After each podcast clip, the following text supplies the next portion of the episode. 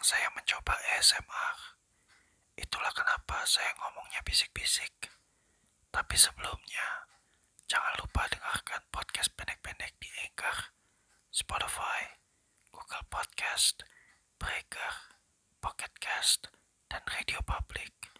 Subscribe juga channel YouTube podcast pendek-pendek dan follow akun Instagram podcast pendek-pendek at podcast pendek-pendek.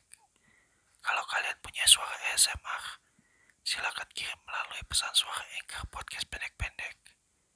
Mungkin segitu saja promosi ASMR-nya.